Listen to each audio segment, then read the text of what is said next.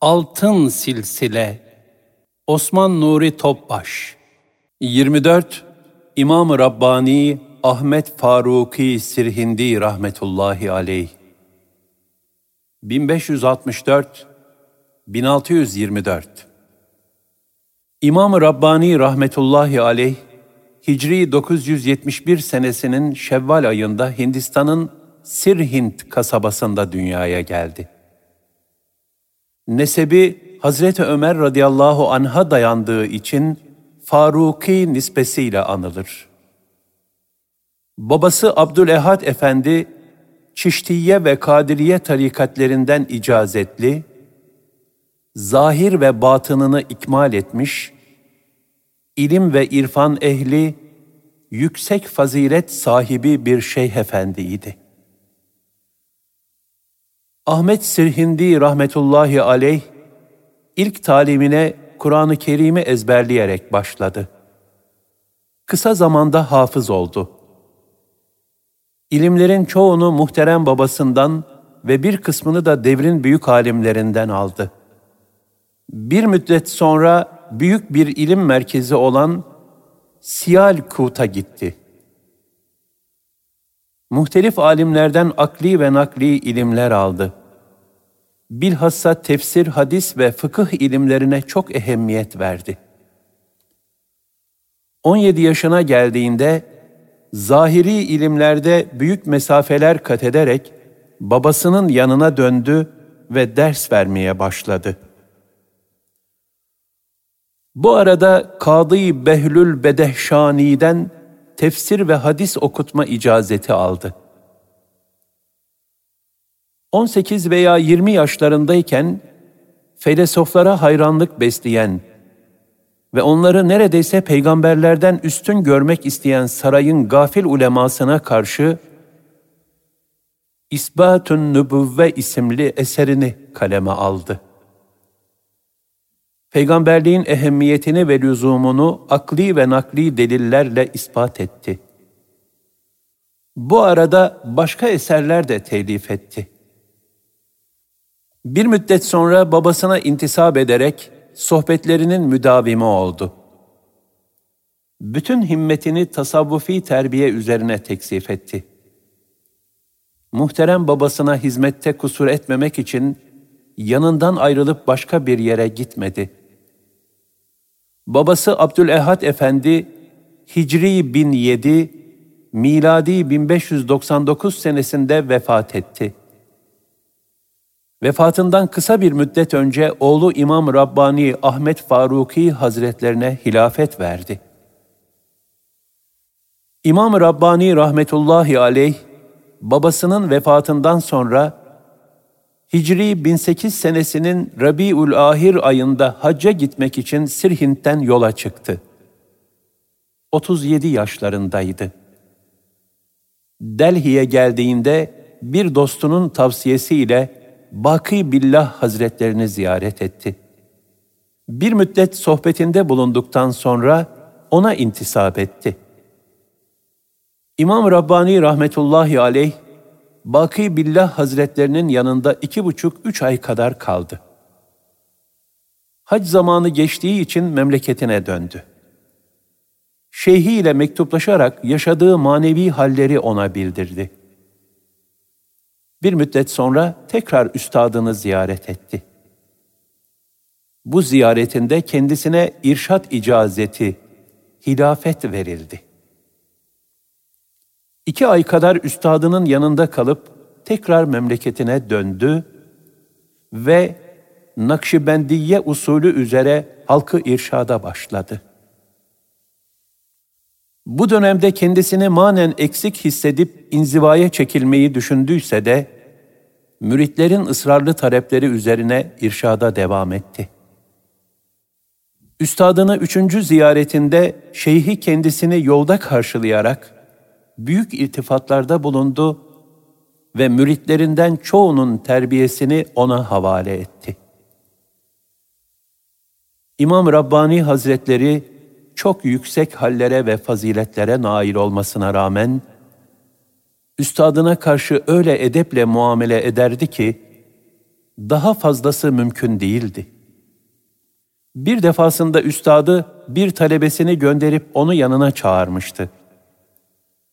Üstadının kendisini çağırdığını duyan İmam Rabbani Hazretlerinin derhal rengi değişti ve zavallı bir kişinin korkudan şiddetle titremesi gibi bir hal zuhur etti.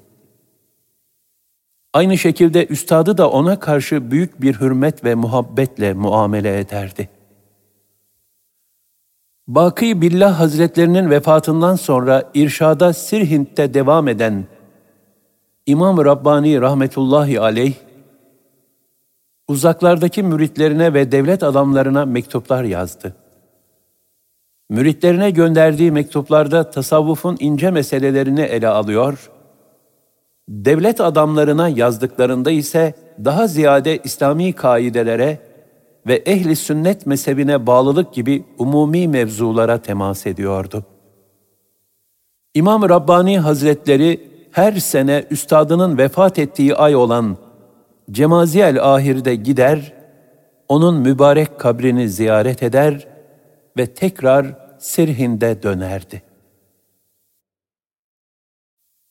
Sultanlarla münasebetleri Babürlü Sultanı Ekber Şah, önceleri saf inançlı, dindar bir Müslümandı. Okuma yazma bilmezdi. Siyasi durumlar ve buna bağlı olarak yapılan göçler sebebiyle bilgisiz ve tahsilsiz kalmıştı. Bu sebeple etrafındaki menfaat düşkünü alimlerin tesiriyle zamanla batıl fikirlere saplandı. Bu ilim adamları sultanlara ve idarecilere yakın olmaya çalışıyor, onlara şirin görünmek için ellerinden gelen bütün tavizleri vererek, zihinlerde İslam'a dair birçok şüphe ve tereddüt uyanmasına sebep oluyorlardı. İhtilaflı mevzuları gündeme getirmek suretiyle zenginleri yoldan çıkarıyorlardı. İmam Rabbani Hazretleri bu gibi alimler hakkında şöyle buyurur. Ehli İslam'ın Müslüman olan sultana yardım etmeyi kendilerine bir borç bilmesi lazımdır. Şeriatı yüceltme ve dini güçlendirme hususunda sultanı yönlendirmeleri icap eder. Sultana olan bu destekleri gerek sözlü gerekse fiili olabilir.'' En acil destek sözlü olanıdır. Bunun da en iyisi şer'i meseleleri beyan ve akaid esaslarını Kur'an, sünnet ve icma-ı ümmete uygun bir şekilde izah etmektir. Böylece aradan bir takım sapık ve bidatçilerin çıkıp yolu tıkamasına ve durumu bozmasına mani olunur. Bu nevi yardım, ahireti gözeten ehli sünnet alimlerine mahsustur. Zira bütün gayreti dünyalık peşinde koşmak ve basit menfaatler elde etmek olan alimlerle beraber olmak öldürücü zehirdir. Bunların fesadı başkalarına da sirayet etmektedir. Nitekim geçen asırda ne musibetler geldiyse hep bunların fenalığından geldi. Önceki sultanı hak yoldan çıkaranlar bunlardı. Sadece sultanı saptırmakla kalmamış, sapıklığa düşen 72 fırkanın hepsinin önderi mutlaka bu kötü alimler olmuştur. Kötü alimler kadar sapıklığı diğer insanlara geçen başka biri yok denecek kadar azdır.'' Günümüzde sufilere benzeyen çoğu cahiller de kötü alimler hükmündedir. Zira onların bozuk fikirleri de başkalarına tesir etmektedir. İmam Rabbani Mektubat 1 243 No 47 Neticede dini istikametini kaybeden Ekber Şah Müslüman olmayanlara devlet idaresinde mühim vazifeler verdi. Bazı Hindu kadınları haremine aldı. Yanında bulunan insanların teşvikiyle İslam'la Hinduizmi birleştirmek görüntüsü altında dini ilahi adında yeni bir din icat etti. Bazı yerlerde camiler yıkılıp yerine Hindu mabetleri yapılıyordu. Ekber Şah kendisine saygı için secde edilmesini emretmeye başladı. Hindular için bu durum mesele teşkil etmiyordu. Ancak samimi Müslümanlar için vaziyet gayet müşküldü. Sultanın gözüne girmek isteyen dünya ehli, menfaatperest gafil alimler de, ibadet niyetiyle değil, selamlama maksadıyla sultana secde edilebileceğine dair fetva veriyorlardı. İmam Rabbani rahmetullahi aleyh, başkent Agra'ya yani Ekberabad'a gidip, sultanın bazı yakınlarıyla görüştü. Sultan, Allah Teala'ya ve Resulüne asi olmuştur. Ona hatırlatın ki, saltanatı ve iktidarı dağılacaktır. Tevbe etsin, Allah ve Resulünün yolunu tutsun buyurdu. Yüksek mevki sahibi bazı devlet adamları, İmam Rabbani Hazretlerine çok saygı gösteriyorlardı. Bunlar sultanı doğru yola getirmek için ne kadar gayret sarf ettilerse de, kendi icat ettiği dinin ihtilaçları içindeydi ve nasihatlere itibar etmiyordu. Derken, Ekber Şah'ın müneccimleri ona saltanat ve iktidarının yakında yok olacağını bildirdiler. Bu duruma üzülen sultan, son günlerde dehşetli bir rüya da gördü. Bunun üzerine isteyen Müslümanlığa sarılır, isteyen dini ilahiye bağlanır. Zorlama ve mecburiyet yoktur diye bir ferman çıkardı.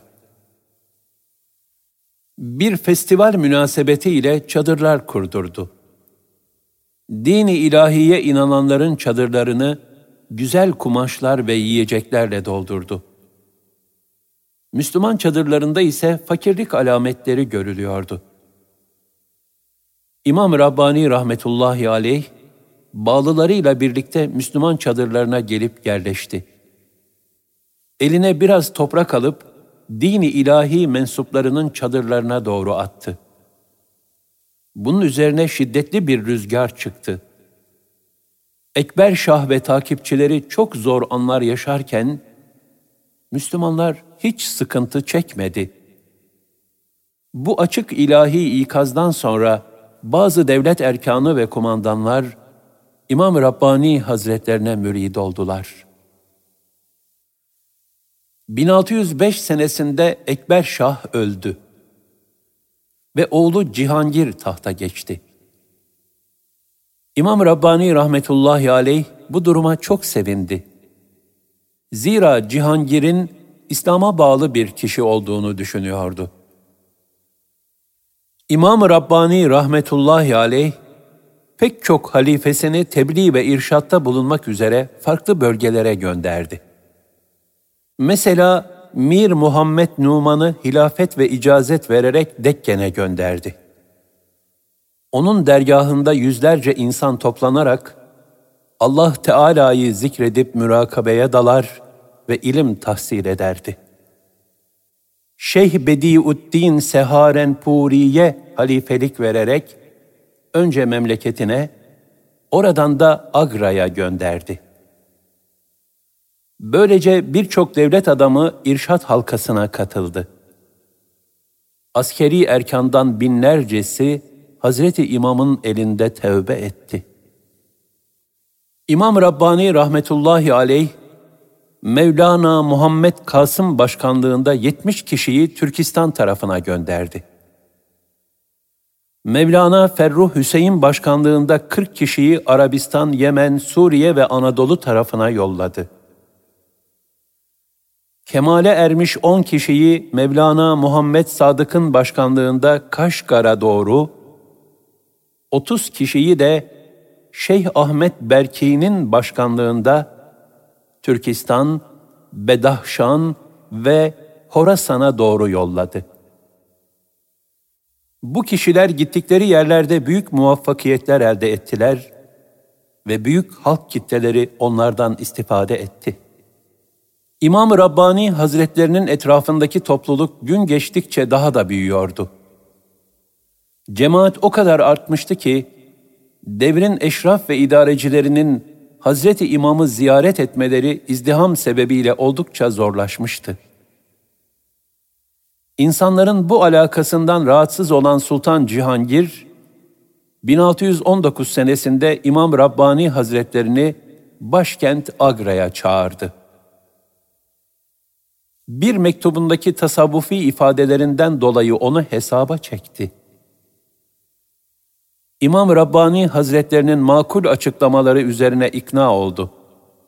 Ancak sultanın yanındaki bazı kişiler, bu şeyh size selamlama secdesi yapmadı. Ordu içinde de pek çok müritleri var. Yakında bu kalabalık müritleriyle bir fitne çıkarabilir ve mülkünüze zarar verebilir. Şeyh Ahmet'in asker içinde o kadar çok müridi var ki, isterse padişahlık iddiasında bile bulunabilir gibi sözler sarf ettiler. O dönemde sultanın veziri ve hizmetkarları çoğunlukla batıl mezheplerdeydiler. İmam Rabbani Hazretlerinin de şeriat dışı mezhepleri tenkit eden mektupları ve müstakil bir risalesi olduğu için ona karşı şiddetli bir öfke besliyorlardı. Sultanı kışkırtanlar da bunlardı. Neticede Cihangir, 55 yaşına gelmiş olan İmam Rabbani Hazretlerini Govaliyar Kalesi'ne hapsetti. Kitaplarına, bahçesine, kuyusuna ve evine el koydu ve ailesini başka bir yere naklettirdi. Bir sene hapiste kalan İmam Rabbani rahmetullahi aleyh, oradaki insanlara İslam'ı öğretti ve onları irşad etti. Bazılarının İslam'a girmesine vesile oldu. Burada Allah için katlandığı çileler sebebiyle manen daha da yükseliyordu. Cihangir bir sene sonra yaptığına pişman oldu ve İmam Rabbani Hazretlerini kışlada kalmak şartıyla serbest bıraktı. Cihangir İmam Rabbani Hazretlerinden dini hususlarda kendisine danışman olmasını talep etti. İmam Rabbani rahmetullahi aleyh bu mevzuu bir müddet müzakere edip Cihangir'in samimi olduğunu anlayınca bu teklifi şu şartlar mukabilinde kabul etti. 1. Sultanı selamlama secdesi kaldırılacak. 2 bütün yıkılan ve tahrip edilen camiler yeniden inşa edilecek. 3. İnek kesmeyi yasaklayan emirler iptal edilecek. 4.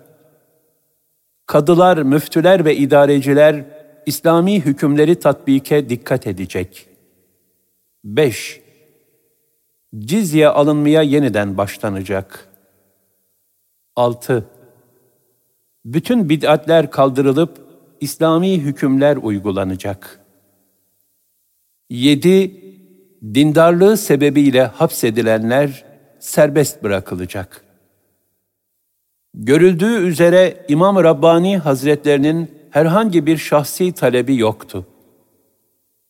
Onun tek gayesi önceki hükümdar devrinde yapılan tahribatı telafi etmek ve daha önceki sıkıntıların tekrar yaşanmasına mani olmaktı.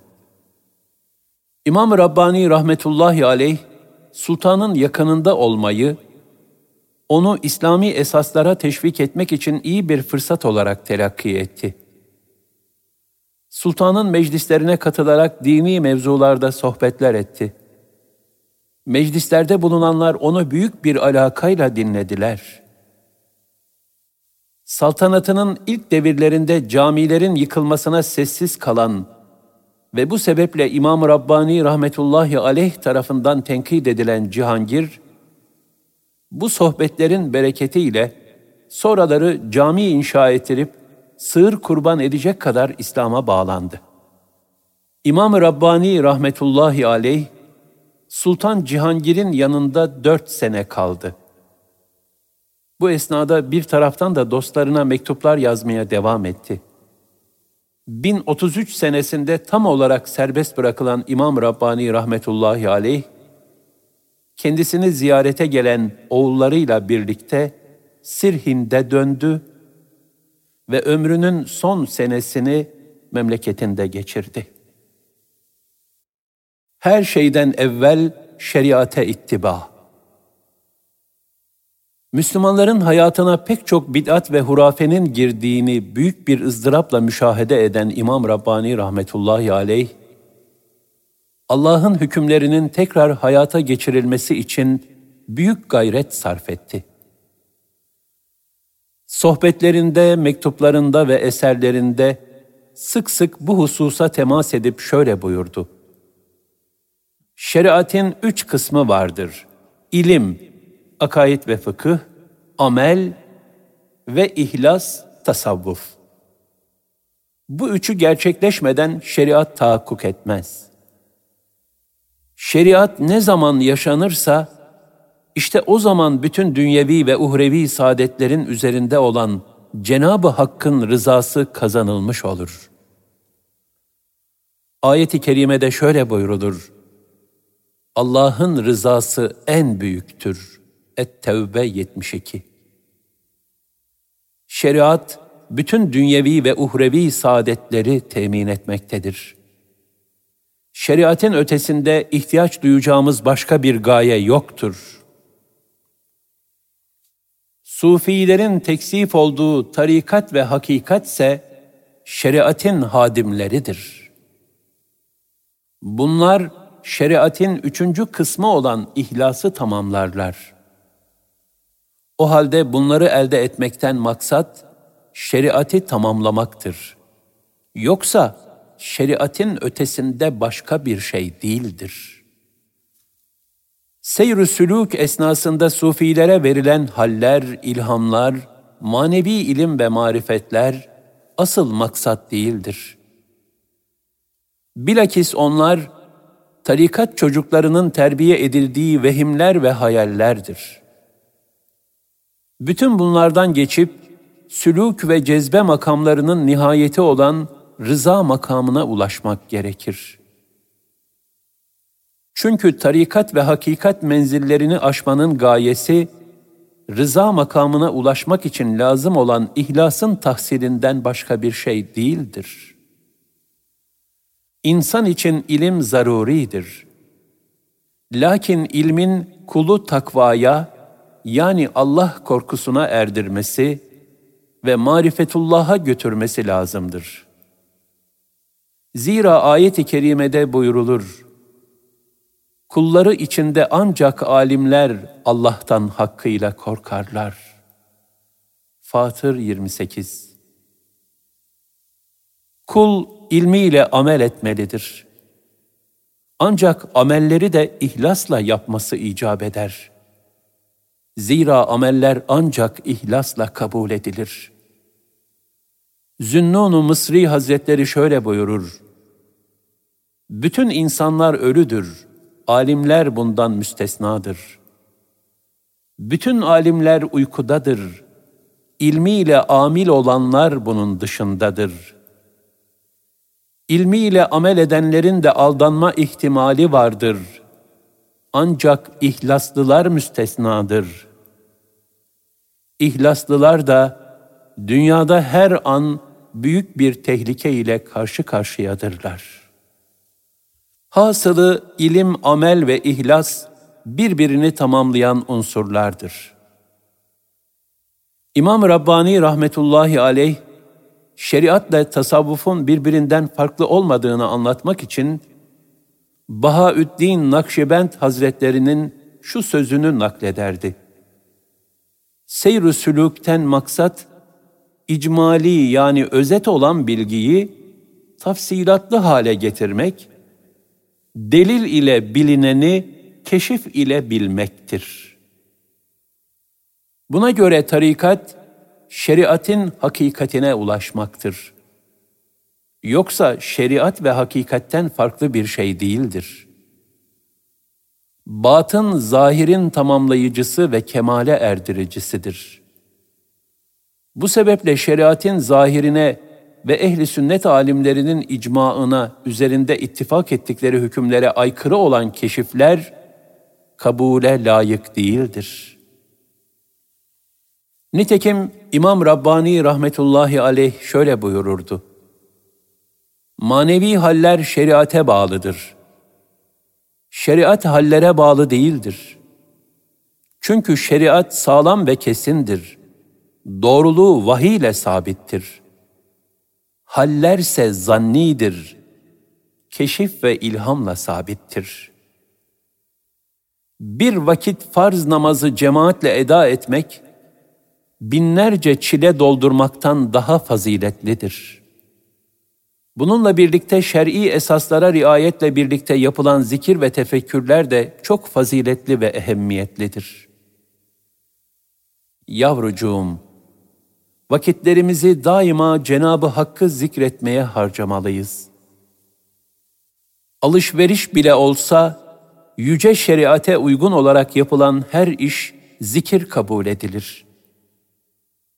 O halde bütün hal ve hareketlerimizde şer'i hükümlere riayet edelim ki bunların hepsi zikir sayılsın.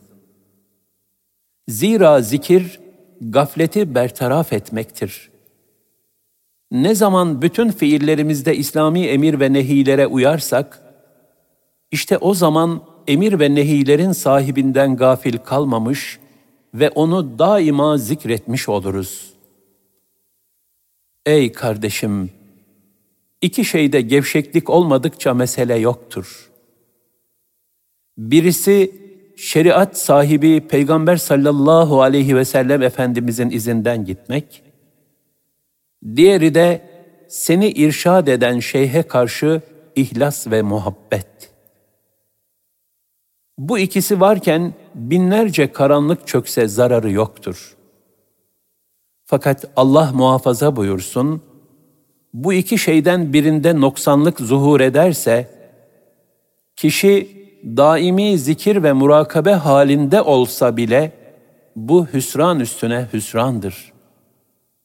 Zira onun zikir hali bir istidraçtır ve akıbeti de kötüdür.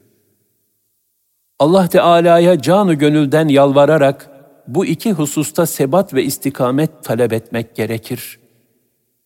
Çünkü bunlar işin aslı ve kurtuluşun ana sermayesidir. Yine İmam Rabbani rahmetullahi aleyh, şer'i ilimleri öğrendikten sonra tasavvufa yönelmeyi tavsiye ederek şöyle buyurur. İtikat ve amele dair iki kanat elde ettikten sonra, Hak Teâlâ'nın lütuf ve inayetiyle takva ehli kişilerin yüce yoluna girmek icap eder.'' Bu yola girmenin gayesi, itikat ve amel hususunda bildirilenlere ilavede bulunmak veya onların haricinde yeni bir şeye ulaşmak değildir. Zira böyle bir şey ayak kaymalarına götüren, asıl maksattan uzak beklentilerdendir. Tasavvufa girmekten maksatsa, itikadın şek ve şüphe ile sarsılmaması için yakîn ve itminan kazanmaktır. Cenab-ı Hak şöyle buyurur, Agah olun, kalpler ancak Allah'ı zikretmekle tatmin olur. Ra'd 28 Tasavvufa girmenin bir diğer maksadı da, salih amelleri rahat ve kolay bir şekilde yapabilmek ve nefsi emmareden kaynaklanan tembellik, inat ve zıtlaşmayı yok etmektir. Sufilerin yoluna girmekten maksat, gayb alemine ait bir takım suretleri ve şekilleri müşahede etmek, keyfiyete bağlı olmayan bazı renkleri ve nurları görmek de değildir. Zira bütün bunlar oyun ve boş işler sınıfına dahildir.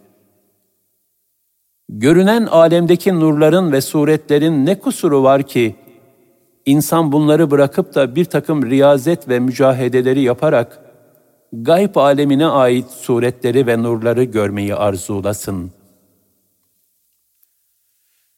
İki alemdeki suretler ve nurlar da Cenab-ı Hakk'ın yarattığı şeylerdir ve Allah Teala'nın varlığının delillerindendir.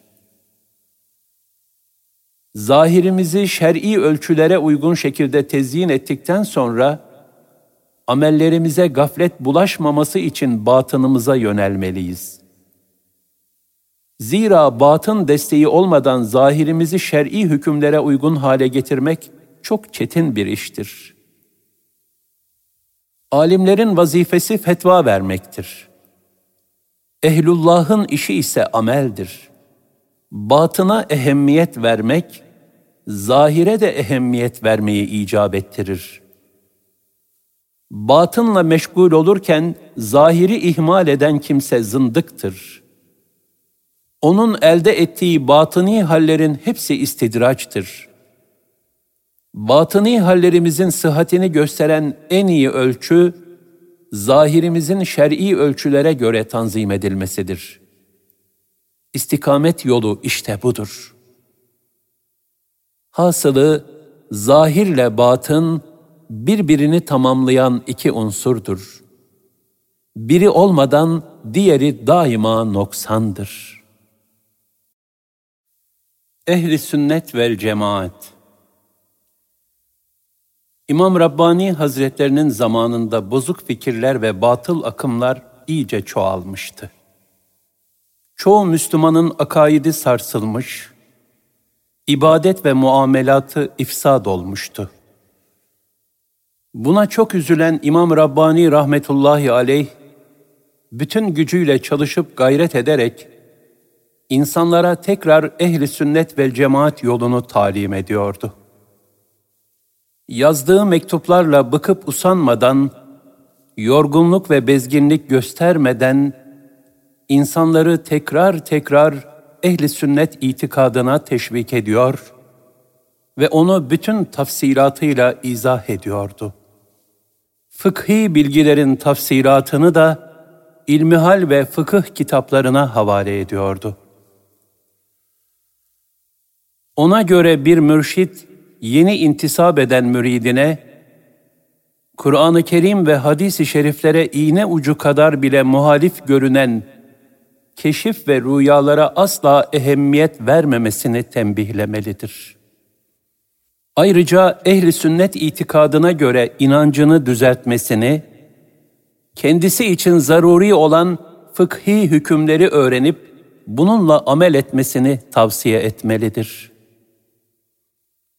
İmam Rabbani rahmetullahi aleyh, kendisi de müritlerine dini ilimlere ait muhtelif kitapları okutur, uzak bölgelerdeki vekillerine gönderdiği mektuplarında bunları okutmalarını ısrarla hatırlatırdı. O kitaplardan bazıları şunlardır. Tefsirden Beyzavi, hadisten Buhari ve Mişkatül Mesabih, fıkıhtan Pezdevi ve Hidaye, akaitten Şerhül Mevakif ve Haşiye-i Adudi, tasavvuftan Avarifül Mearif. İmam Rabbani rahmetullahi aleyh, fıkhi meseleleri ezberinde tutmasına, onları çok iyi bilmesine ve fıkıh usulünde tam bir selahiyete sahip olmasına rağmen, herhangi bir mesele zuhur ettiğinde ihtiyaten güvenilir kitaplara müracaat eder, onları yanından ayırmazdı. Fetva verilen görüşe ve büyük fıkıhçıların tercihine göre amel ederdi. Bir mektubunda şöyle yazmıştır. Dostlarıma daima söylediğim ve ömrümün sonuna kadar da söyleyeceğim nasihat, ehli sünnet ve cemaate ait kelam kitaplarındaki bilgiler istikametinde inancını düzelttikten ve farz, vacip, sünnet, mendup, helal, haram, mekruh ve şüpheli şeklindeki fıkhi hükümlerden yapılması gerekenleri yapıp, terk edilmesi gerekenlerden kaçındıktan sonra,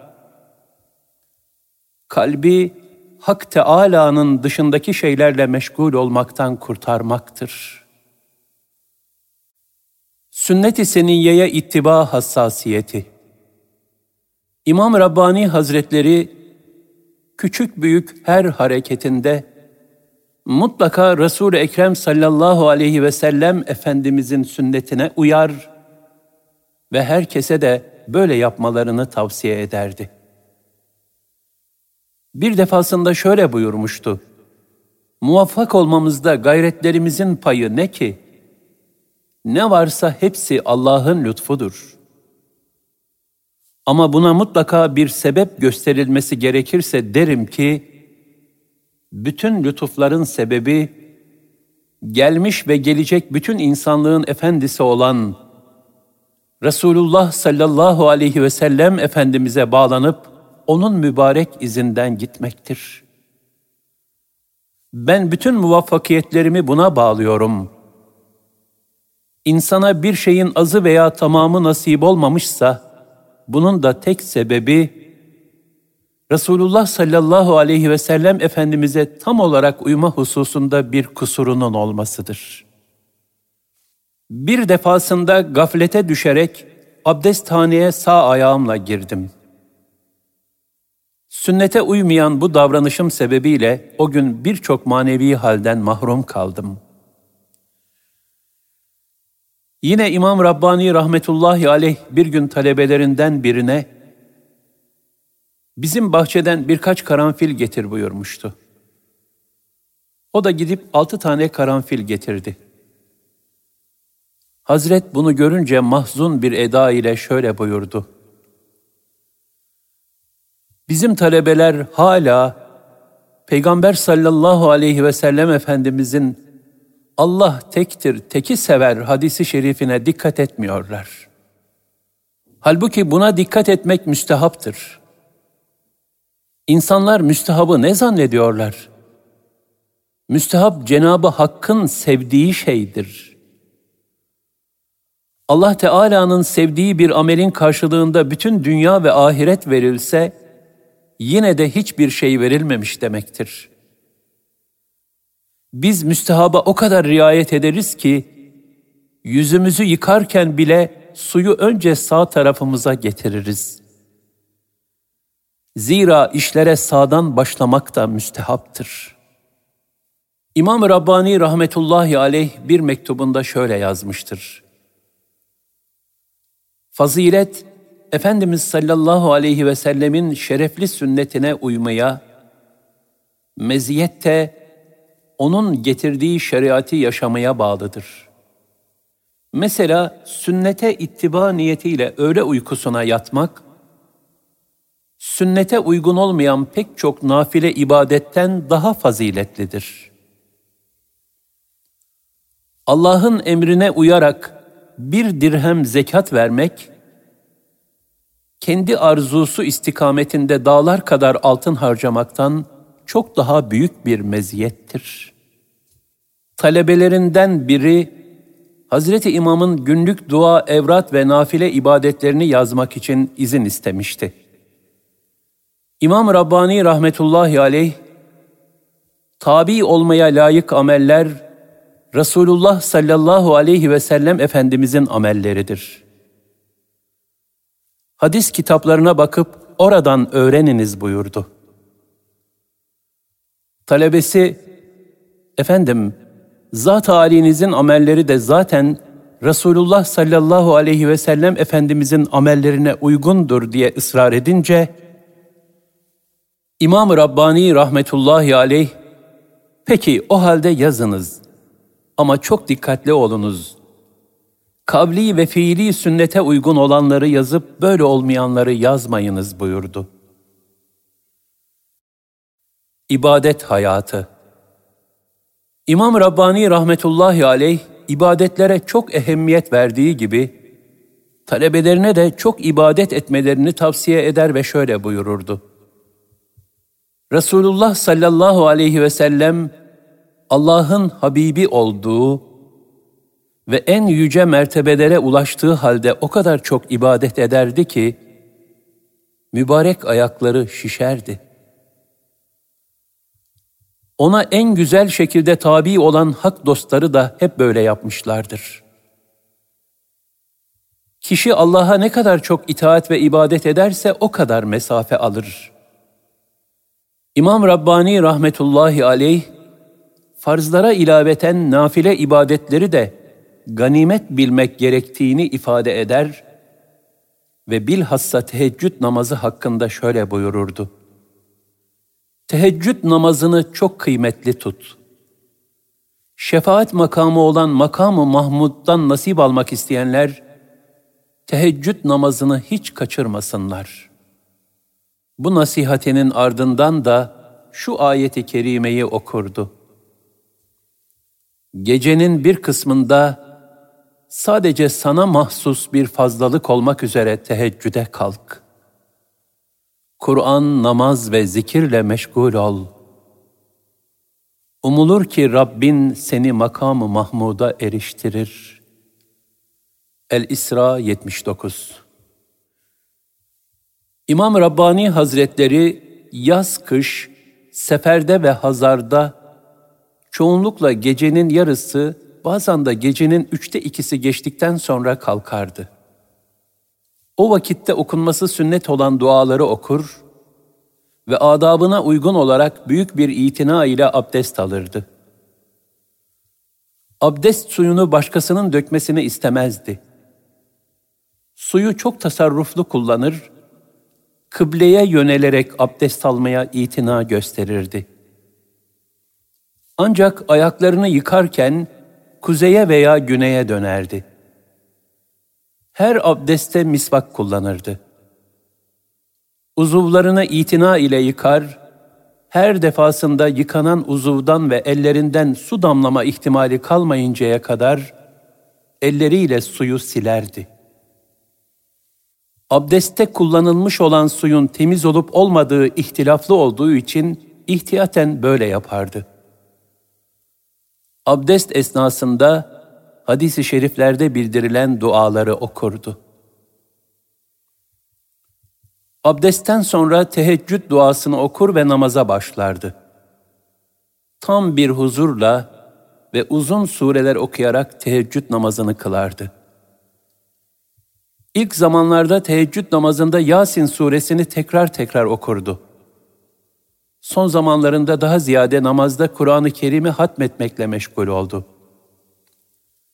Teheccüd namazını bitirdikten sonra huşu içinde murakabe ve tefekküre dalardı. Sabah namazından evvel sünnete uyarak bir müddet yatardı. Sonra tan yeri ağarmadan tekrar kalkıp abdest alarak sabah namazını kılardı. Sabah namazının sünnetini evinde kılar, sünnetle farz arasında sessizce Sübhanallahi ve bihamdihi Sübhanallahil azim tesbihini tekrar ederdi. Sabah namazını cemaatle kıldıktan sonra işrak vaktine kadar mescitte arkadaşlarıyla virtlerini tamamlar, sonra uzun sureler okuyarak iki selamla dört rekat işrak namazı kılar o vakitte okunması icap eden dua ve tesbihatla meşgul olurdu.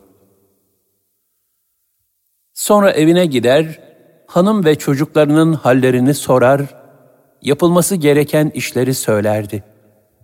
Ardından odasına çekilip Kur'an-ı Kerim okurdu.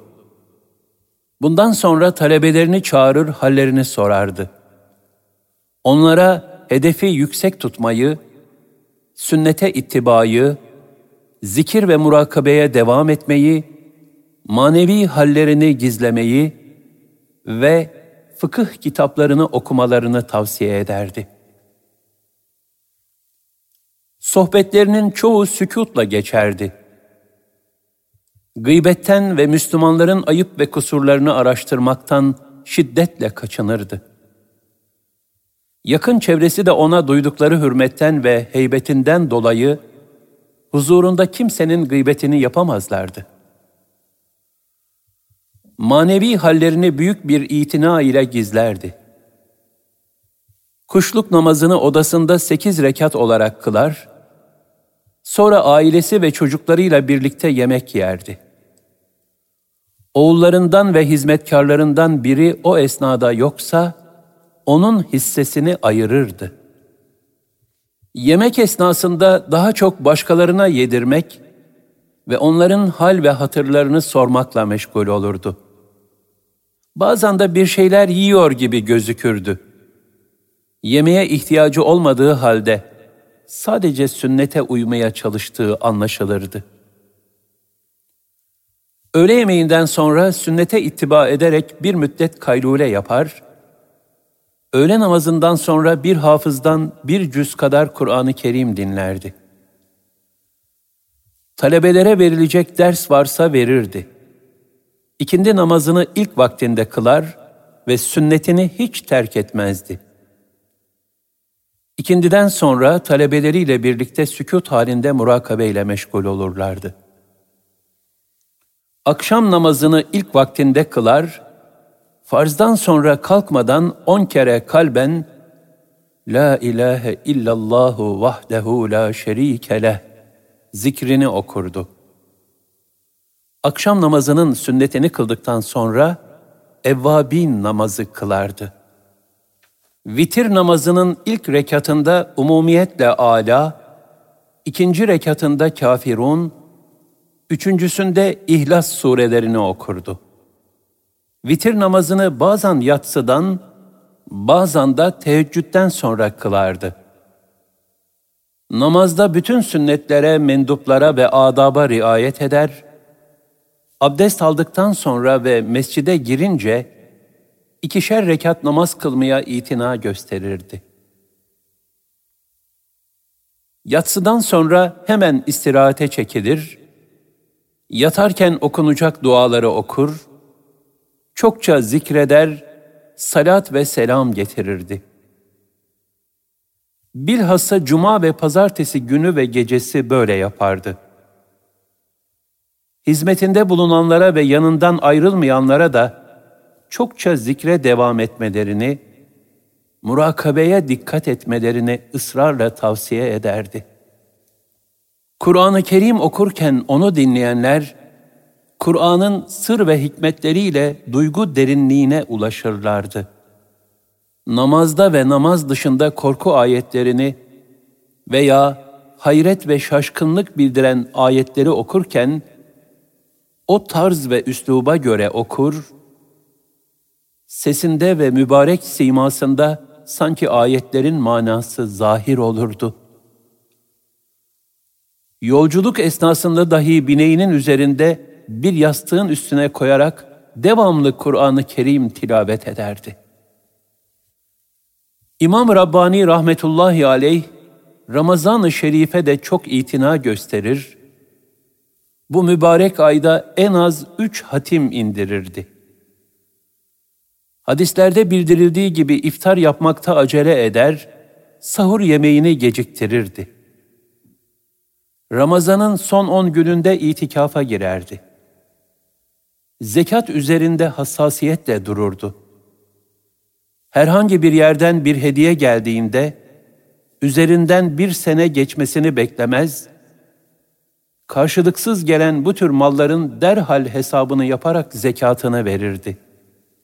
Zekat verirken de ilk olarak ıslah ve irşat faaliyetinde bulunanları, dul kadınları ve muhtaç durumdaki yakınlarını tercih ederdi. Hastaları ve kabirleri ziyaret eder, oralarda sünnet olan duaları okurdu. Davetlere icabet eder, ancak günah işlenen meclislere iştirak etmezdi.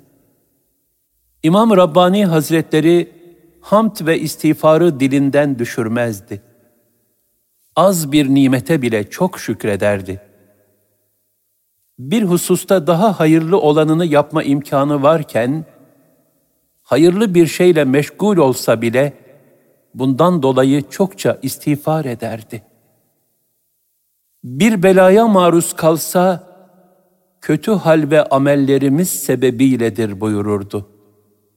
Fakat o belayı birçok kirleri temizleyen bir sabun gibi görür, belalara rıza ve teslimiyetle katlanmanın manen yükselme sebebi olduğunu ifade ederdi. ameli salihlerle dolu, feyizli bir ibadet hayatı yaşamakla birlikte daima kendini kusurlu görürdü. Talebelerine bunu şöyle izah ederdi.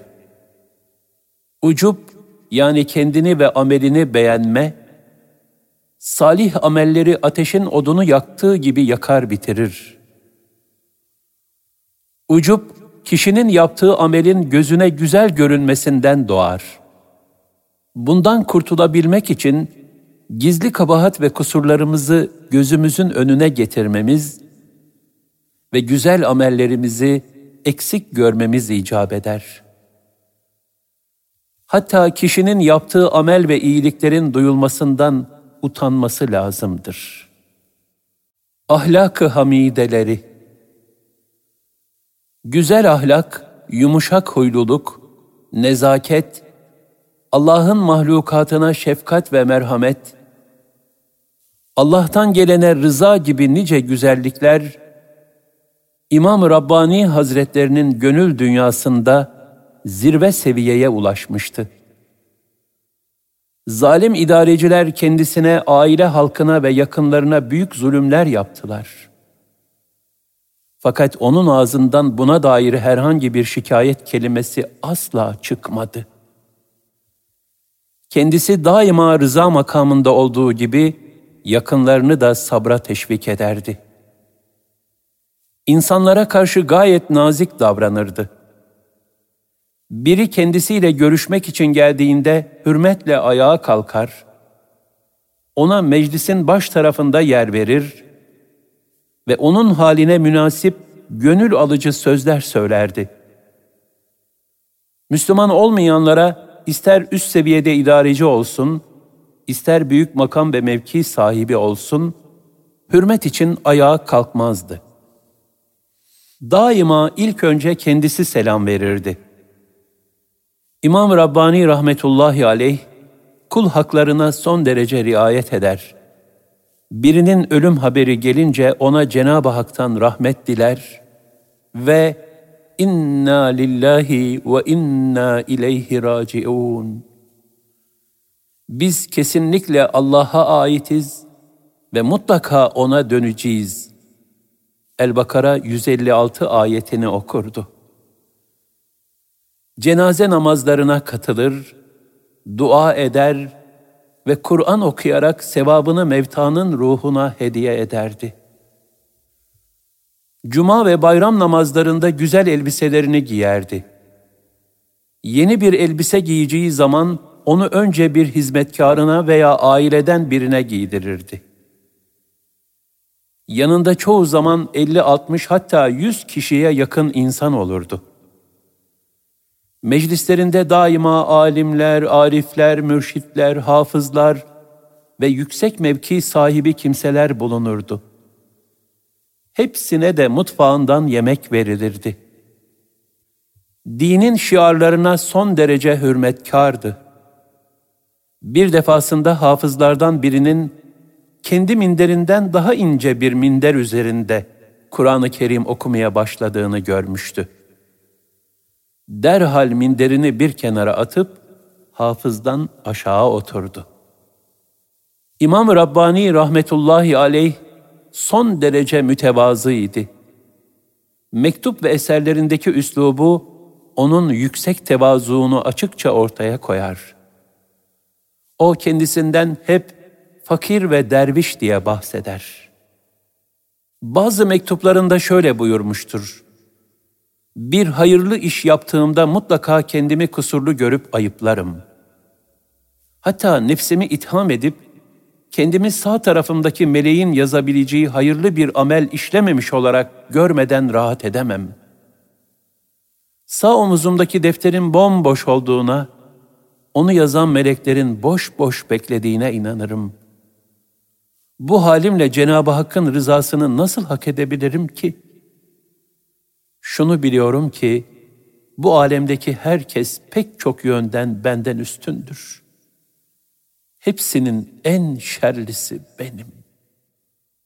Bu fakir, İslam'a destek olma hususunda kendini ortaya atmak istiyor. ve imkan nispetinde bu yolda gayret ediyor. Kim bir kavmin karartısını çoğaltırsa, onların safında yer alırsa, o kimse onlardandır hükmünce. Umulur ki bu zayıf ve aciz kul da o zümreye dahil olur. Benim halim elindeki yün yumağıyla Yusuf aleyhisselamın satıldığı çarşıya gelip bununla onu satın almak isteyen koca karının haline benzemektedir. İmam Rabbani Hazretleri mektup yazdığı talebelerinden son nefesinde hüsnü hatime ile Allah'a kavuşabilmesi için dualar talep etmiştir. Oğluna gönderdiği bir mektubunda şöyle buyurur. Çocuklara merhamet edin ve onları Kur'an okumaya teşvik edin. Üzerimizde hakkı olan kimseleri bizim adımıza razı edin. İman selametimiz için dua ederek bize yardımcı olun. Aklın acziyeti ve peygamberliğin lüzumu. İmam Rabbani Hazretlerine göre akıl ve ilham, Allah'ın zat ve sıfatlarını layıkıyla kavrayabilmekten, yakini bilgiye ulaşmaktan, hakikatleri kusursuz ve tam olarak bilmekten ve idrak kapasitesinin ötesindeki bilgilere ulaşmaktan acizdir. Akıl ve ilhamın elde ettiği neticeler ve ortaya koyduğu bilgiler, şüphe, tereddüt, hata, noksanlık ve yanılma tehlikelerinden hiçbir zaman tam olarak arınmış olamaz. O halde hayat ve kainatın manasını doğru bir şekilde anlamak ve Allah Teala'yı asli hakikatine uygun bir şekilde tanımak ancak mutlak hakikatler menbaı olan vahiyden feyizlenmiş peygamberler vasıtasıyla olabilir. Nasıl ki aklın kabiliyeti ve kavrama gücü görme ve işitme gibi duyuların ötesinde ise, aynı şekilde peygamberliğin kabiliyet ve salahiyeti de aklın ötesindedir. Allah'a tazim, ibadet, ilahi emirlere itaat ve onu tanımanın en doğru yolunu ancak peygamberler gösterebilir. Aklı hakikatlere ulaşmada sonsuz kudret sahibi bir varlık zannederek her şeyi onunla ölçüp tartan filozoflar Allah'ı tanıma hususunda gülünç hatalara düşmüşlerdir. Nasıl ki saf ve mücerret akıl diye bir şey yoksa, nefsani arzular ve dış tesirlerin doğru yanlış yönlendirmelerinden azade, saf bir ilhamdan da söz edilemez. Hatta bu anka kuşuna benzer. Düşüncede vardır, hakikatte ise yoktur.'' Hakikatlerin içe doğduğunu iddia eden işrakilerle, bazı riyazatlarla sadece nefislerini arındıranlar da, aynı şekilde vehim, şüphe ve cehaletin tuzağına düçar olmuşlardır. Aklın katıksız, kusursuz ve saf olması imkansızdır. Zira akıl, kanaatlerden, iman haline gelmiş düşüncelerden ve dış tesirlerden müteessir olur. Hırs, öfke, heves gibi zaaflardan, unutma, dalgınlık ve hata gibi kusurlardan kurtulamaz. Onun ulaştığı pek çok hüküm, bu dış renklerle boyanmış ve karışmış olarak ortaya çıkmaktadır. Bu sebeple akıl hatasız bir kaynak değildir bilakis kifayetsizdir. Buna karşılık peygamberlere vahiy getiren melek, bütün bu kusurlardan uzaktır ve hiçbir menfi tesire açık değildir. Bu sebeple yanılmaz ve kusursuz kaynak sadece peygamberliktir. Peygamberlik olmadan gerçek nefs teskiyesi de mümkün değildir.'' Büyük İslam alimi, tarihçi ve sosyolog İbni Haldun bu hususta şöyle der. Akıl sağlam bir terazidir. Ama onunla Allah'a ve ahirete ait meseleleri, peygamberlik hakikatlerini, akıl ötesi hakikatleri ölçemezsiniz. Bu boş bir gayret olur ve bir kişinin ne kadar hassas tartıyor diye kuyumcu terazisinde dağları tartmak istemesine benzer. Terazinin sağlamlığına bir şey denilemez ama onun gücünün bir sınırı vardır. Aynı şekilde aklın bilme, bulma, anlama gücünün de bir sınırı vardır. Onun dışına adım atamaz. Felsefe ve benzeri yollar peygamberlerin tebliğ ve irşadı olmadan kendi gayretleriyle hakikati anlamak iddiasındadırlar. Fakat bu hakikatler Allah'ın kendilerine peygamberlik lütfettiği müstesna kullarının aracılığı olmadan öğrenilemez.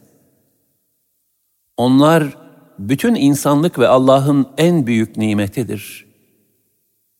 Peygamberlerin Allah'ın zat ve sıfatları hakkında hiçbir karşılık beklemeden verdikleri o muhteşem ilmin bir zerresini bile insanlar binlerce senelik felsefi düşünce, araştırma, inceleme, müşahede ve nefsi arındırma yoluyla elde edemezler.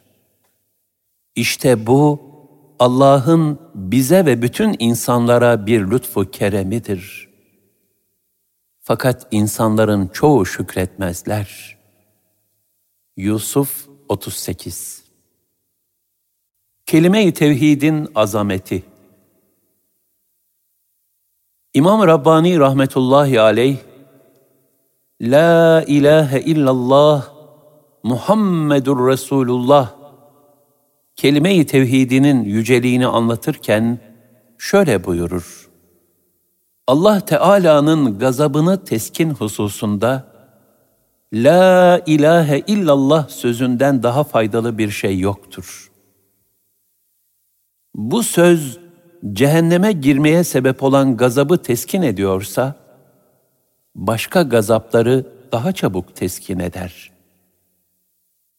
Zira diğer gazaplar cehennem azabını doğuran gazaptan çok daha hafiftir.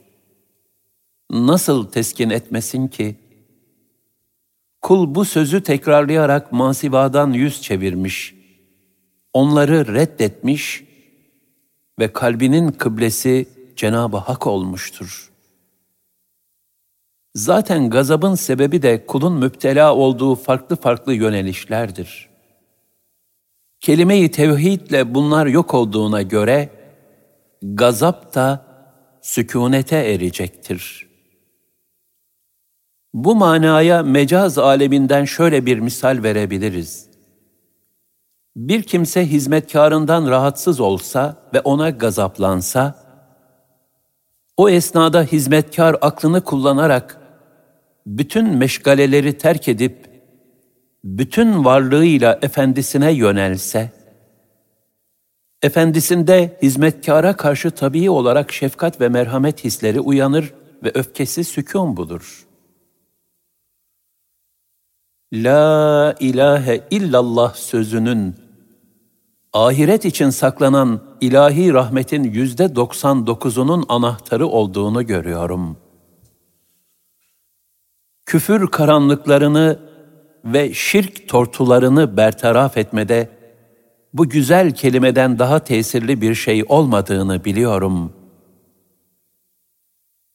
Kelime-i tevhidin fazileti karşısında şu dünyanın tamamı bile bir kıymet ifade etmez. Keşke büyük bir okyanusa nispetle bir damla hükmünde olabilseydi. O kadar bile değildir.'' Ancak bu kelime-i tayyibenin kıymet ve azameti, onu söyleyenin manevi derecesi nispetindedir. Söyleyenin derecesi ne kadar yüksek olursa, bu kelimenin azameti de o kadar artmaktadır.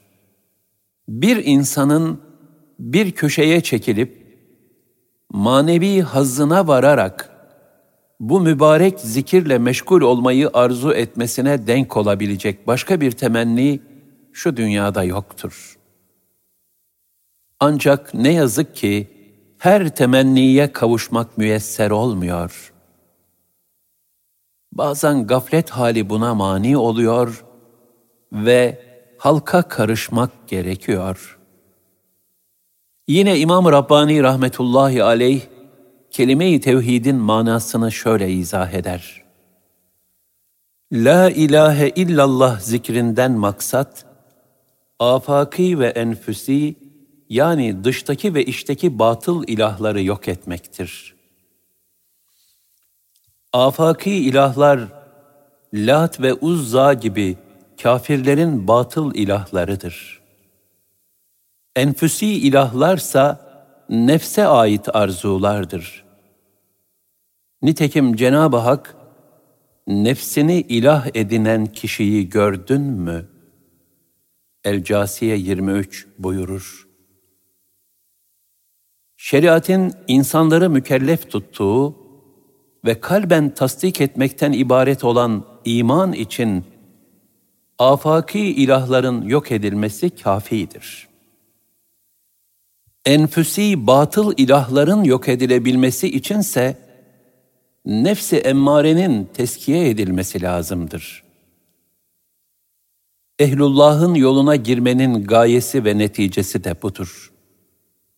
Hakiki imana ulaşmak için bu her iki türden batıl ilahları yok etmek icap eder. İmanın hakikati, enfüsi ilahları da bertaraf etmeye bağlıdır.'' İmam Rabbani rahmetullahi aleyh evlatlarını ısrarla zikre teşvik ederdi. Nitekim oğlu Muhammed Masum Hazretlerine yazdığı bir mektubunda şöyle buyurur. Zaman zikir zamanıdır. Bütün nefsani arzularınızı la kelimesinin içine koyun ki, onları kökünden yok edip, geriye hiçbir arzu ve gaye bırakmayın. Onun Celle Celaluhu'nun takdirine razı olun. Kelime-i tevhid zikri esnasında illallah sadece Allah vardır sözüne geldiğiniz vakit bütün bilinen ve hayal edilenlerin ötesinde bulunan ve bizim için tam bir gayb olan Allah'ın zatından başka bir şey gönlünüze gelmesin. Evler, köşkler, çeşmeler, bahçeler, kitaplar ve diğer şeyler insanın zihnine kolayca geliverir. Bunlar sizin vaktinizi almasın. İmam Rabbani Hazretlerinin daima zikir halinde olmayı tavsiye ettiği ifadelerinden bir kısmı da şöyledir. Bu tarikati isteyen kişi, hak ehlinin görüşleri istikametinde itikadını düzeltip, fıkhi hükümleri öğrenerek bildiklerinin icap ettirdiği şekilde amel ettikten sonra, bütün vakitlerini Allah'ın zikrine sarf etmelidir. Ancak bu zikrin kamil ve mükemmel bir şeyhten alınması şarttır. Çünkü kendisi noksan olan başkalarını kemale erdiremez. Abdestli abdestsiz, ayaktayken otururken devamlı zikirle meşgul olmalıdır. Gelirken giderken, yerken yatarken asla zikri terk etmemelidir. Malumdur ki bu dünya çalışma yurdudur boş durma ve dinlenme yeri değildir. Gayretinizi tamamıyla çalışmaya yönlendirmelisiniz. Boş durmayı ve eğlenmeyi bir kenara bırakınız. Dilinizi la ilahe illallah zikriyle öylesine meşgul ediniz ki, lisanınız zaruret olmadıkça bu kelimeyi tayyibenin dışında bir şey söylemesin. Zikir hem dil hem de kalple hafi yolla yapılmalıdır. Tembellik ve gevşeklik düşmanların nasibi olsun. Ameli salihler işlemeli, çalışmalı, yine çalışmalı. Şunu iyi biliniz ki, sizin ve hatta bütün insanların saadet ve selameti, Cenab-ı Hakk'ı zikretmeye bağlıdır. İmkan nispetinde bütün vakitleri Allah Teala'nın zikriyle geçirmek icap eder. Bu hususta bir anlık gaflet bile doğru değildir. Helal lokma İmam Rabbani rahmetullahi aleyh buyurur. Size nasihatim, yediğiniz lokmaya dikkat etmenizdir. İnsanın nereden gelirse gelsin, haram mı, helal mi olduğunu düşünmeden her bulduğunu yemesi doğru değildir. Zira insan dilediğini yapmak üzere başıboş bırakılmamıştır. Bilakis onun bir Mevlası vardır. O insanoğluna bir takım emir ve nehilerde bulunmuştur. Alemlere rahmet olan peygamberleri vasıtasıyla razı olduğu ve olmadığı şeyleri beyan etmiştir. Mevlasının rızasına muhalif arzular peşinde koşan, onun mülkünde ondan izinsiz tasarrufta bulunan kişi ebedi saadetten mahrumdur. Beş vakit namazı cemaatle eda etmek ve helali haramdan ayırmak gerekir. Fani lezzetlere ve yok olup gidecek nimetlere dönüp bakmamalıdır. Sohbetin ehemmiyeti İmam Rabbani rahmetullahi aleyh Nakşibendiye yolunda sohbetin çok mühim bir esas olduğunu sık sık hatırlatır ve şöyle buyururdu. Bu tarikatte manen faydalanma ve faydalandırmanın esas noktası sohbettir. Sohbette söz ve yazıyla iktifa edilmez. Bunlarla birlikte kalbi beraberlik de lazımdır.'' İmam Rabbani Hazretleri Hace-i Ahrar rahmetullahi aleyhten şöyle nakleder. Dervişlerle beraberdik.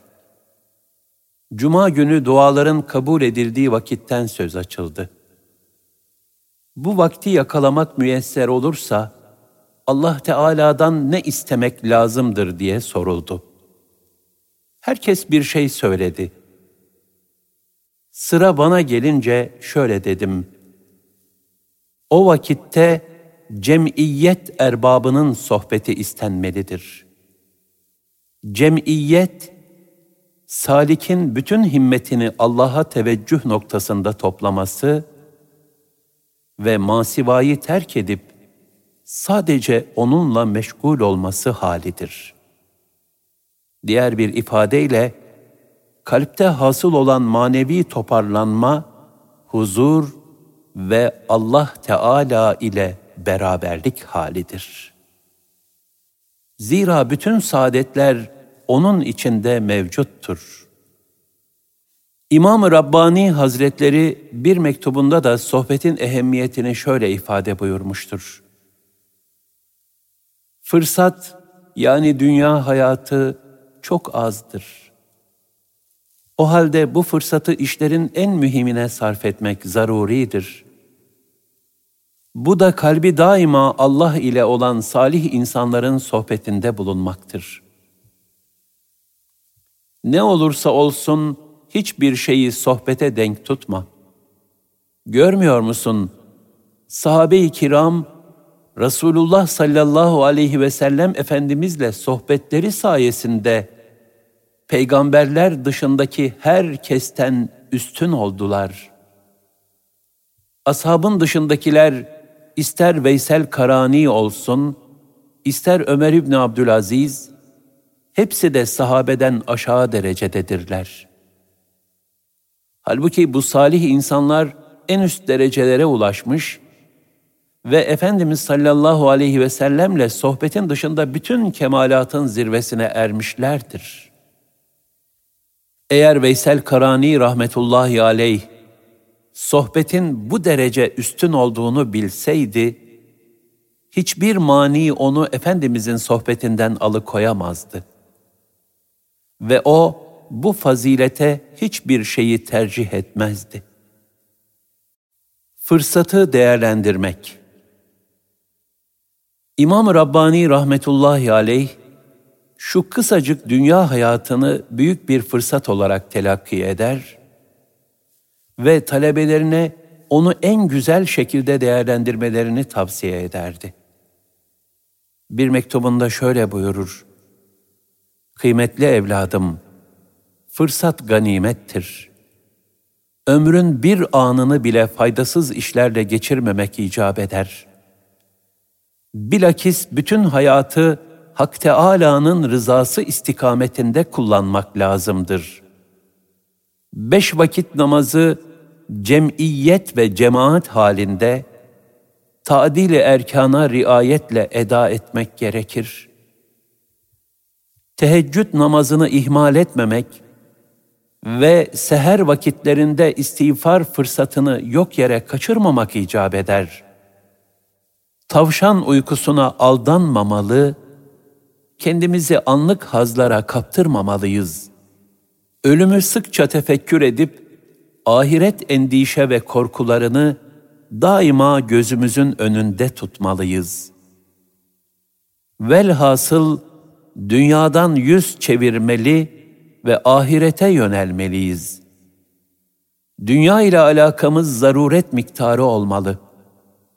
Kalan vakitlerin hepsini ahiret işlerine ayırmalıyız.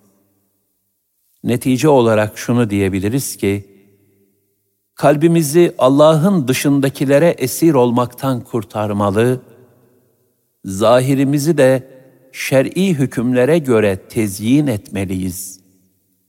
Asıl iş budur, gerisi boştur. Diğer mektuplarında da şöyle buyurur. Tamamı elde edilemeyen bir şey, bütünüyle terk edilmez kaidesi gereğince, birkaç günlük hayatımızı gücümüz nispetinde Peygamber Efendimiz sallallahu aleyhi ve selleme tabi olarak geçirmeliyiz. Ahiret azabından kurtulmak ve ebedi nimetlere kavuşmak, bu tabi olma saadetine bağlıdır. En güzel amel işleme zamanı, şüphesiz ki gençlik devridir. Akıllı kişi hayatının bu dönemini zayi etmeyip fırsatı değerlendirir. Çünkü insanın ihtiyarlık çağına ulaşacağı kesin değildir. Ulaşsa bile acziyetin ve ihtiyarlığın pençesine düştüğünde ameli salihleri layıkıyla yerine getirmesi çok zordur. Ama gençlikte cemiyet hali, kalbi Allah'a verebilmek daha kolay elde edilir. Zaman fırsatları değerlendirme zamanıdır. Güç ve iktidar devridir. O halde bugünün işini yarına bırakmanın ve sonra yaparım düşüncesine kapılmanın ne mazereti olabilir ki? Hangi özür bu ihmali meşrulaştırabilir? Aziz kardeş, zaman çalışma zamanıdır, konuşma zamanı değil. Zahir ve batınla gönlü Cenabı Hakk'a bağlamak gerekir. Allah'ın izni olmadan ondan başkasına bakmamak lazımdır. Asıl iş budur, gerisi boştur. Aziz dostum, amellerle meşgul olacağımız vakitler geçiyor. Her an ömrümüzün bir parçası eksiliyor. Ve Allah tarafından tayin edilen ecelimiz yaklaşıyor. Eğer bugün uyanamazsak, yarın için elimize geçecek tek şey hasret ve pişmanlık olabilir. Bu sayılı günlerde yüce şeriate uygun ameli salihler işlemeye itina gösterelim ki, kurtulmaya ümidimiz olsun. Vakit amel vaktidir, istirahat vakti değildir. Zira istirahat amelin meyvesidir. Amel henüz önümüzdedir. Amel işleme vaktinde istirahate çekilmek, ekini zayi etmek ve onu kurutmaktır. Nefsaniyeti terk etmek. Benlik ve nefsaniyeti terk etmek, manevi terakkinin ilk şartıdır. Nefsaniyet terk edilmeden ilahi muhabbete nail olunamaz. İmam Rabbani Hazretleri bu hakikati şöyle ifade eder. Kalp bir anda iki şeyi sevemez. Kalbin muhabbet bağı bir şeye bağlanınca orada başka bir muhabbete yer kalmaz. Kişinin birden çok arzusunun bulunması ve sevgisinin mal, evlat, riyaset, övülmek ve insanlar arasında üstün olmak gibi muhtelif şeylere bağlanması durumunda da sevdiği şey aslında bir tanedir. O da nefsidir, benliğidir. Bunları sevmesi aslında nefsine olan sevgisinin bir ifadesidir. Çünkü bu kişi onları kendilerinden dolayı değil, nefsi için sever. Nefsine karşı muhabbeti yok olunca diğerlerinin sevgisi de yok olur. Bu sebeple kul ile Rabbi arasındaki perde dünya değildir. Kulun kendi nefsidir denilmiştir. Yani kulun esas muradı ve arzusu sadece nefsidir. Bunun zaruri neticesi olarak perde de kulun nefsi olmaktadır. Kul, nefsani arzularından tamamen sıyrılmadıkça, Rabbinin muhabbetini kalbine yerleştiremez. Mevlana Hazretlerinin buyurduğu gibi, Hakka yakınlık ne yukarı çıkmak ne de aşağı inmekle olur. Allah'a yakınlık ancak nefsaniyet bağından kurtulmakla olur. İmam Rabbani rahmetullahi aleyh, kalbi fani varlıkların muhabbetinden kurtarıp, ilahi muhabbete istikametlendirebilmek için evlatlarına şu tavsiyede bulunurdu. Allah'ın razı olduğu şeylerden başka hiçbir şeyden razı olmayın. Onları arzu etmeyin. Bunlar bizim dünyadan çekip gitmemizle sona ereceğine göre şimdiden onları terk edelim. Bunları gözümüzde büyütmeyelim. Allah dostları bunları kendi arzularıyla terk ederler. Bazı nasihatleri zekat verilmesi gereken mal ve hayvanların zekatını hakkıyla vermeli ve bu vesileyle mal sevgisini gönlümüzden çıkarmalıyız. Leziz yiyecekler ve güzel elbiseler hususunda nefsin hazzını ön planda tutmamalıyız. Yiyecek ve içeceklerde ibadetlere güç kazanmaktan başka bir niyet taşımamalıyız.'' güzel elbiseler giyerken de her mescide gidişinizde güzel elbiselerinizi giyiniz. El-Araf 31 ayetinde emrolunan süslenmeye niyet etmeli, insanlara gösteriş yapmak gibi bir gayemiz olmamalıdır. Zira dinimiz bu davranışı yasaklamıştır. Eğer hakiki manada böyle bir niyete sahip olamıyorsak, kendimizi buna zorlamalı ve bu niyetin hakikatine ulaşabilmek için devamlı Allah'a dua etmeliyiz.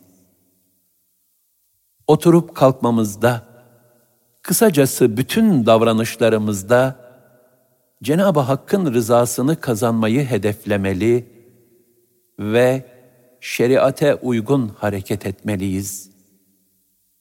Her halimizde şer'i hükümler bize fiili kıstas olmalıdır. İçimiz de dışımız da Hak Teâlâ ile birlikte olmalıdır. Mesela baştan aşağı gaflet hali olan uykuya dalmak istediğimizde, yarınki ibadetlerimizi daha güzel ve zinde olarak yapabilmek için istirahat etme niyetini taşımalıyız. Bu maksatla yatıldığında, uyku da baştan sona ibadet olur. Nitekim, alimlerin uykusunun ibadet olduğu rivayet edilmiştir. Yavrum, esas mesele mübahların fazlasından kaçınmak ve zaruret miktarıyla iktifa etmektir. Onları da Allah Teala'ya kulluğumuzu hakkıyla ifa edebilmek için kuvvet ve kalp uyanıklığı kazanmak niyetiyle kullanmak gerekir. Vakitleri oyun ve eğlenceyle geçirmemek icap eder. Yasaklanmış işler bir yana, boş işlerle bile ömrü ziyan etmemelidir. Sakın ola ki çalgıya ve nameye rağbet edip, onlardan lezzet alarak büyük bir aldanışa sürüklenmeyin. Çünkü nefsaniyeti tahrik eden çalgı, bala bulanmış zehirdir. Gıybetten ve kovuculuktan kaçının.'' Zira bu iki çirkinliği işleyenler hakkında ağır tehditler varid olmuştur. Yalan ve iftiradan kaçınmak da çok mühimdir. Bu iki rezillik bütün dinlerde haramdır. Bunları işleyenler büyük tehditlere muhataptır. Halkın kusurlarını ve mahlukatın günahlarını örtmek, hatalarını bağışlamak büyük işlerdendir.'' Şunu iyi biliniz ki kalp Cenab-ı Hakk'ın komşusudur. Onun mukaddes zatına kalpten daha yakın bir şey yoktur. O halde ister mümin olsun, ister asi, kalbe eziyet etmekten sakınınız. Çünkü komşu asi de olsa himaye edilir. Aman bundan uzak durun.'' Zira küfürden sonra kalbe eziyet etmek kadar Allah Teala'nın incinmesine sebep olan başka bir günah yoktur. Zira kalp Cenab-ı Hakk'a yaklaşabilen varlıkların en yakınıdır. Vefatı İmam Rabbani rahmetullahi aleyh vefatından birkaç ay önce nefes darlığı çekmeye başladı. Son günlerinde evlatlarına, kıymetli evlatlarım, şu dünyaya karşı hiçbir nazarım ve bağlılığım kalmadı. Artık ebedi alemin düşüncesi bana hakimdir. Yolculuk günümün yakın olduğu anlaşılıyor buyurdu. Sonra da dışarıyla bütün münasebetlerini keserek tek başına kalmayı tercih etti beş vakit namaz ve cuma haricinde dışarıya çıkmıyordu. Bütün vakitlerini zikir, istiğfar ve zahiri batıni meşguliyetlerle geçiriyordu. Bu hal Rabbinin ismini zikret ve masivadan kesilerek bütün varlığınla ona yönel. El-Müzzemmil 8 ayeti kerimesinin hayata tatbiki idi. Allah'a kavuşma iştiyakıyla çoğu zaman gözyaşları döküyor ve Allahümme rafikal a'la Allah'ım en yüce dostlarının arasına katılmak istiyorum. Sözünü dilinden düşürmüyordu.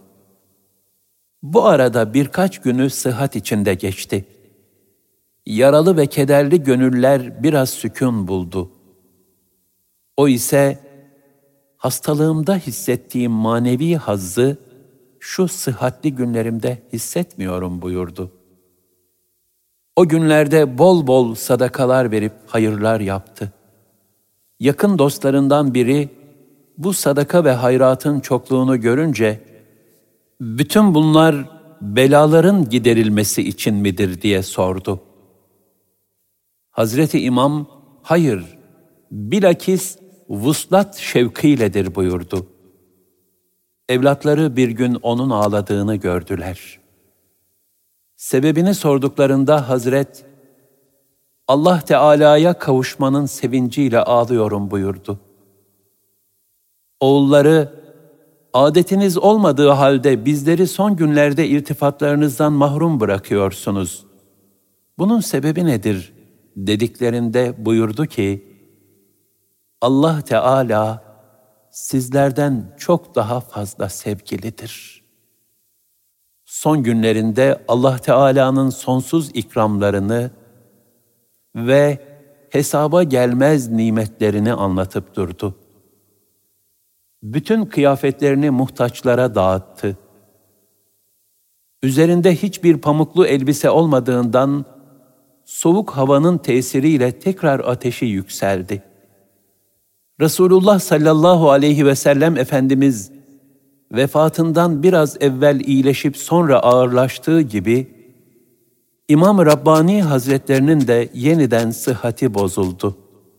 Böylece bu sünneti de yaşamış oldu. Takatinin tükendiği o günlerde bile cemaatsiz namaz kılmadı.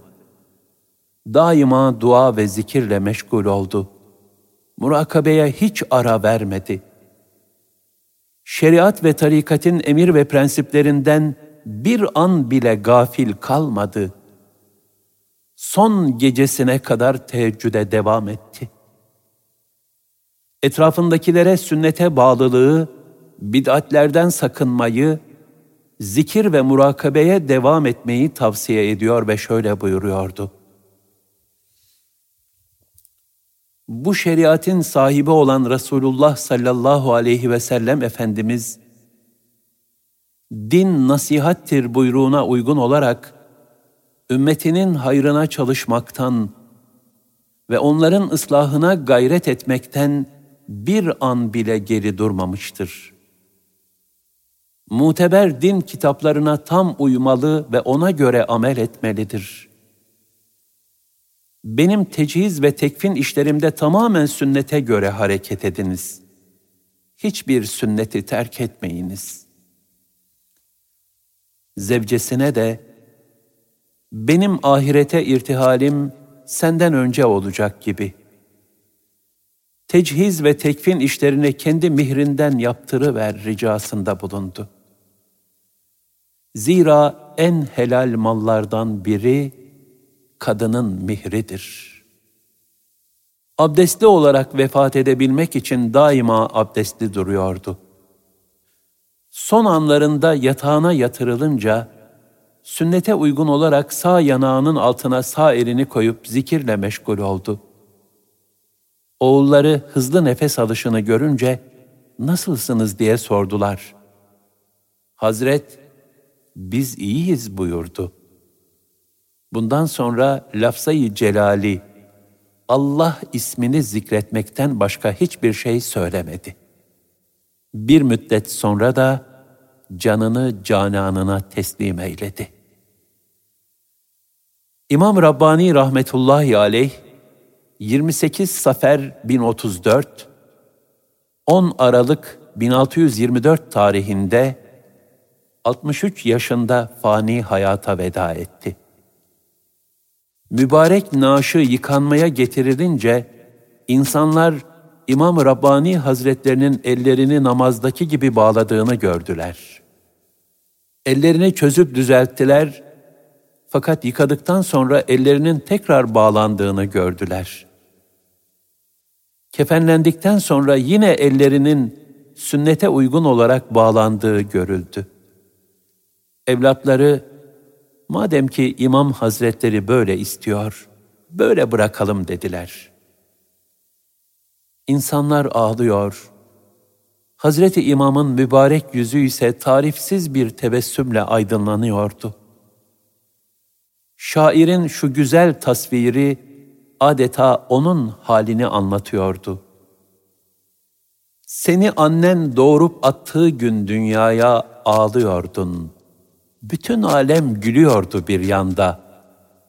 Şimdi öyle bir ömür sür ki, ölürken gülesin, çağlasın gözyaşı halinde cihan arkanda.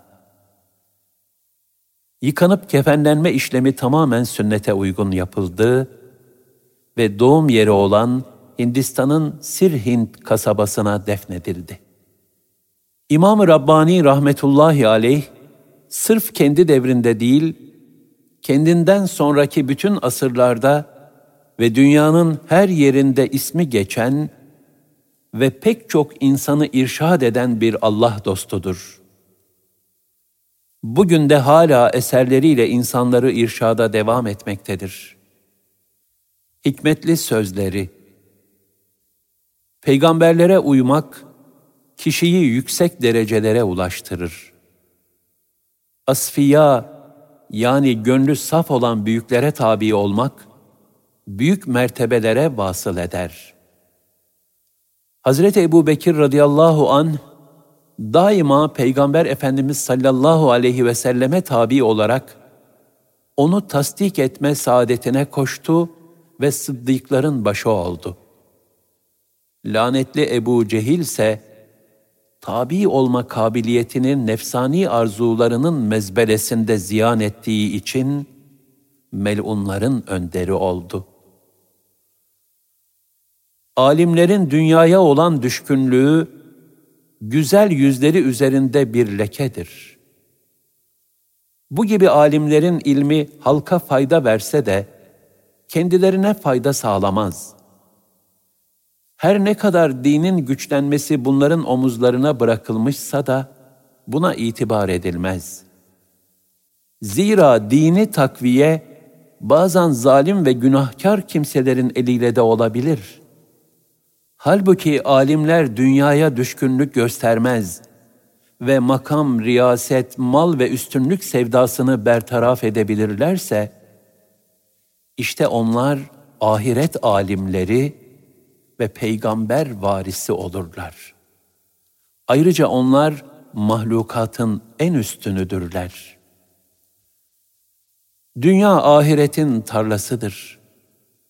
o tarlayı ekmeyip verimli toprağını boş bırakan ve amel tohumlarını zayi eden kişiye yazıklar olsun. Bilmek gerekir ki, toprağın boş bırakılıp zayi edilmesi ya oraya hiçbir şey ekmemekle olur, ya da oraya çürük ve bozuk tohum atmak suretiyle olur. Yani kişi ya ömrünü boş geçirmek ya da nefsani arzularla ziyan etmek suretiyle ebedi hüsrana düşer. Herkesçe malumdur ki, zayi etmenin bu ikinci kısmının zararı, birinci kısma göre daha fazladır. Müstehapların yerine getirilmesi hususunda gevşeklik gösterilmemelidir. Zira müstehaplar, Cenab-ı Hakk'ın sevdiği ve razı olduğu şeylerdir. Kişi yeryüzünün bir köşesinde Hak Teâlâ'nın sevdiği ve razı olduğu bir ameli bilir ve onu yapma imkanı olursa bunu ganimet bilmelidir. Bu durum birkaç kırık saksı parçası ile değerli taşları satın alan kişinin haline benzer.'' Bilesin ki hususi bir hadise üzerine nazil olan bir sure veya ayet, onu okuyan kişiye o mevzuda tam bir fayda sağlar. Mesela nefs teskiyesiyle alakalı bir ayeti okumanın, nefsi kötü huylardan arındırmada büyük bir tesiri vardır. Diğerleri de bu şekildedir. Bu fakire göre insanların üstünlüğünün sebebi, dini desteklemeleri ve dinin hükümlerini tebliğ için malı ve canı feda hususunda önce olmalarıdır. Resulullah sallallahu aleyhi ve sellem Efendimiz bu hususta herkesten daha önde olduğu için her mümine emsalsiz bir örnek olmuştur. Aynen bunun gibi dini destekleme ve tebliğ hususunda öncü olan diğer kişiler de arkadan gelenlere örnek olmuşlardır. Cenab-ı Hak kullarına şu duayı talim buyurur. Rabbimiz, bize gözümüzü aydınlatacak eşler ve zürriyetler ihsan eyle ve bizi takva sahiplerine önder kıl. El-Furkan 74 Yani takva sahibi olmak kafi değildir. Takvada önder olmaya gayret etmek lazımdır. İnsanın yaratılış gayesi kulluk vazifelerini yerine getirmektir. Kime yolun başında veya ortasında aşk ve muhabbet bahşedilirse, bundan maksat Hak Teâlâ'nın dışındakilerden alakayı kesmesini sağlamaktır. Yoksa aşk ve muhabbetin kendisi asıl maksat değildir. Bilakis bunlar kulluk makamını elde etmek için birer vasıtadır. Salik, masivanın esaret ve kulluğundan tamamen kurtulduğu takdirde ancak Allah Teala'nın kulu olabilir. Velayet mertebelerinin en üstünü de ubudiyet, kulluk mertebesidir. Velayet mertebeleri içerisinde bundan daha üstün bir makam yoktur.